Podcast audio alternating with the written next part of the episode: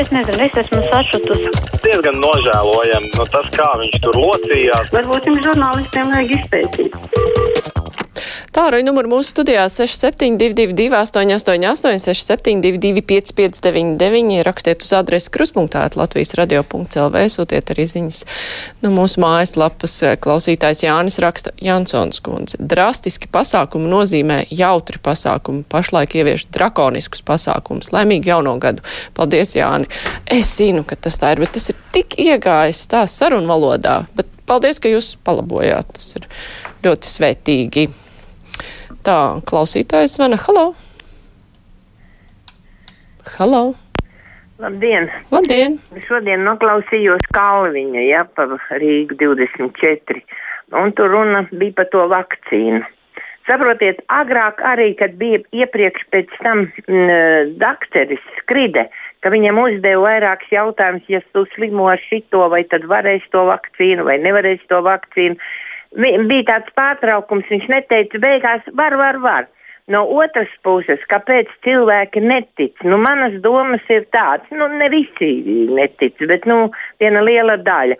Kāpēc? Tāpēc, ka Kalniņš tagad arī saka, ja mēs, vat, nē, nu, varot uzticēties, un viss, es domāju, ka jā, ka var uzticēties, jo mediķiem un, un, un, un nu, tiem ārstiem un, un visam medicīnas nu, personālam tiešām viņiem potēs tiešām labas dārgās, kur uz katru cilvēku esot 2000 izmaksa par to vakcīnu.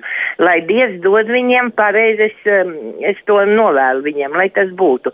Tagad viņš saka tā, bet redziet, ja mēs, mēs varētu Latvijā to ražot un būtu daudz lētāk, nu, ziniet, tur jau es sāku šaubīties. Pirmkārt, tad, kad sāksies masu vakcinācija, nu, tad, kad tik nu, neiznāk tā, ka mēs ņemsim, tad jau būs ļoti daudz visi vakcīnas taisīs, un ka mēs neņemsim tās lētākās. Nu, un tad tai masai potēs tos lētākos. Nu, tas, ir, tas ir otrs. Un nu, trešais, ka viņš saka, ka būs lētāk. Nebūs lētāk. Paskatieties, mildronādu, cik maksā Leitijā, cik maksā Krievijā. Un cik mums mildronāts, ko mēs esam izgudrojuši, tas pats kalviņš. Nu, mm -hmm. Tā kā nevar tur ticēt, tāpēc nav ko brīnīties, ka cilvēki netic. Paldies! Mm, paldies par zvanu. Mums klausītāji no Vēnspils atsūtīs vēstuli. Viņi nav apmierināti ar Ventas balss, to, kas tiek publicēts Ventas balsī un redaktors viedoklis. Viņi raksta, tas vairāk nav izturami, kas dien dienā tur tiek sludināts, izskatoties pēc kaitniecības un musināšanas dezinformācija, bet Ventas balss bija to mēdī vidū, kas saņēma. Uh, atbalsta fondu programmas naudu Covid-19 krīzes negatīvo seku mazināšanai. Visi esam nedaudz uzvilkti šajā spriedzes pilnajā laikā, tāpēc it sevišķi tas neliekas taisnīgi, tā raksta klausītāja kādu no Ventspils. Novēlot arī visiem laimīgu jauno gadu. Paldies par to. Tā, klausītājs zvana. Halo! Halo!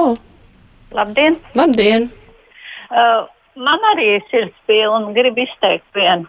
Kādēļ ierobežo veikalās tos preču, preču pirkšanu? Tagad cilvēki ir iemācījušies uh, uh, rokas dezinficēt, staigā ar, ar, ar uh, maskām. Nu, tas jāatprāt, cik daudz dienas brīvs mēs esam iesākuši vien būvīt celt un, un nevar skrūvīt, nevar depo nopirkt. Nu, pēkšņi kaut kas ap Dūmu detektors onkulim nobeidzās. Nevar to nopirkt. Nu, tas tracina cilvēkus un, un, un pārdevējus arī. Jā. Tam taču nav nekādas masas, tur neskrien iekšā. Groziņi ir, viss ir. Jā, paldies. Jā, paldies par zanu. Nu, tas ir sarežģīts jautājums, jo, protams, ir cilvēki, kur saka, visu var nopirkt internetā.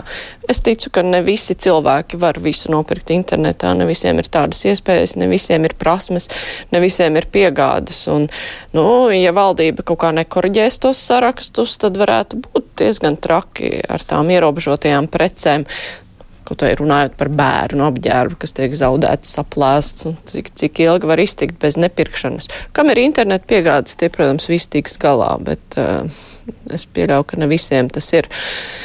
Jā, tas ir apgrūtinoši, bet tajā pašā laikā ir jāatceras, ka visi šie ierobežojumi stingrie ir arī pateicoties tiem, kuri neie, neievēroja vieglākos ierobežojumus. Un negribētos, protams, lai būtu pavisam briesmīgi ierobežojuši pasākumi, kas visiem, visiem liktu ļoti ciest tikai tāpēc, ka kāds nav spējis uh, ievērot tos ierobežojumus, ka tie bija krietni vien maigāki.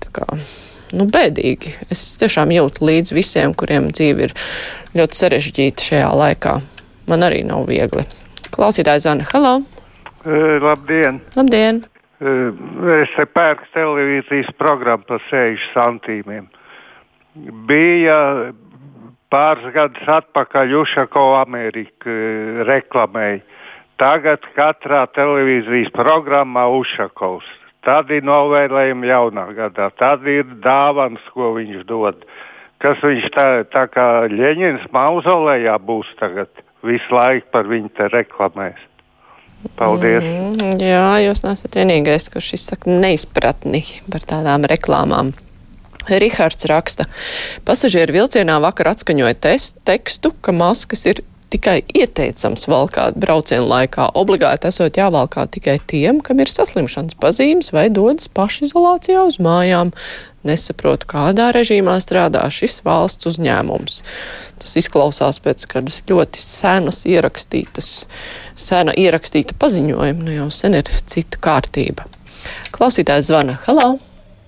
Dien! Labdien! Mazāk jūs runātu, Māra, citādi jūs pa daudz laika aizņemat no, no ētera un neļaut cilvēkiem izteikties. Es gribēju teikt par autobusu maršrutiem Latvijā.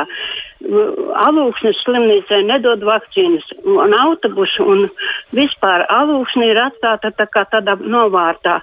Me, e, šitie ekspresus autobusus nevienu nelaiž no rīta puses, lai cilvēki varētu droši aizbraukt no rīta un izdarīt savas darīšanas valsts iestādēs. Laiž vakarā, pusseptiņos, desmitos vakarā iet alūksni autobusi. Trīs autobusi iet vakarā ekspresi. Kur var cilvēks iet, kur viņš var naktī palikt, kur viņš kaut ko izdarīt. Un runā un rakstu un cik vispār griezos uh, iestādēs, neņem vērā. It nemaz neņem vērā. Es nezinu, kas tur sēž un ar kādām tiesībām viņi šitādas lietas dara, ka cilvēkiem neļauj aizbraukt nerīgi. Tas ir 200 km kilometri, tad tur neviet ne autobusi, ne, ne te vilci, un ne vilcieni, ne lidmašīnas neiet uz Liepājas autobusu, uz, uz Ventspilu iet. Bet šities rakstīju un zvanīju, neliekas nezinis. Nezinu, kā, kāpēc, kas tur sēž un ar kas ar to nodarbojas, ar tādu kaitniecību. Paldies! Mhm. Paldies! Nekomentēšu, ja jums tas nepatīk. Klausītāja raksta, o, oktobrī skolēnu brīvlaikā, neskatoties uz Covid pasēm, pilna Kipra bija ar Latvijas skolēniem. Cerams, ka tagad tiek piefiksēti cilvēki, kuri pērk biļetes turp atpakaļ ar visām Covid pasēm. Interesants vērojums. Savukārt klausītājs Miks raksta, ir tikai loģiski, ka tiek pieņemti stingrāki ierobežojumi, ja cilvēki neievēro neko. Domāju, ka pēc jaungada svinībām būs vēl trakāk. Diemžēl. Nu, jā, nekas cits jau neatliek, ja mēs gribam ierobežot vēl stingrāk ierobežojumi. Diemžēl tad jācieš ir visiem to vietā, kuri neievēro ierobežojumus arī maigākos. Klausītājs zvana. Halo! Uh, labdien! Labdien! Es gribēju pieskarties diviem jautājumiem. Vienam, atgriežoties pie jūsu vien iepriekšējā raidījuma par uh, Somijas tautas uzticību savai valdībai un kāpēc mēs neusticamies savējai. Tāpēc, ka Somijas valdība rūpējās par savu tautu, nemelo un nezog, atšķirībā no mūsu valdības, kas gadiem zog, gadiem melo un vien vienīgi korupcija, roku roku mazgā un skandāls aiz skandāla. Tas ir viens. Tādai valdībai ticēt tiešām nav iespējams. Otrs par uh, jaunajām vakcīnām. Es nesaprotu, kāda no viņām ir jēga un kāda bija jēga tērēt naudu. Ja Pat vakcinēts cilvēks var inficēt pārējos, kā apgalvo arī mūsu epidemiologs. Starp citu, arī viņa mājaslapā tas ir uzrādīts, ka arī pēc vakcinēšanās ir jāturpina valkāt sejas maskas, ievērot divu metru distanci, dezinficēt rokas. Bez tām blaknes šai vakcīnai ir smagākas nekā pati Covid-19 slimība. Mm -hmm. Jūs, uh, laikam, ne, neesat uh, pamanījusi to, to argumentu, ka šī vakcīna nepieciešama nevis tāpēc, lai cilvēki neslimotu vispār, jo vakcīnas parasti neizslēdz saslimšanu, bet lai nebūtu smaga slimības gaita, jo smagā slimības gaita ir tā lielākā problēma. Kāpēc ir pārpildītas slimnīcas? Tāpēc, ka cilvēki slimo smagi, un tāpēc ir nepieciešama šī vakcīna. Par tām blaknēm, nu, tā ir, es domāju, jūsu interpretācija. Tāpēc, ka, nezinu, es neesmu nekur lasījis, ka, ka blaknes varētu būt smagākas par to, cik smagi cilvēks slimo. Klausītājs zvana. Halo! Labdien! Labdien! Es zvanu no Leišmalītes.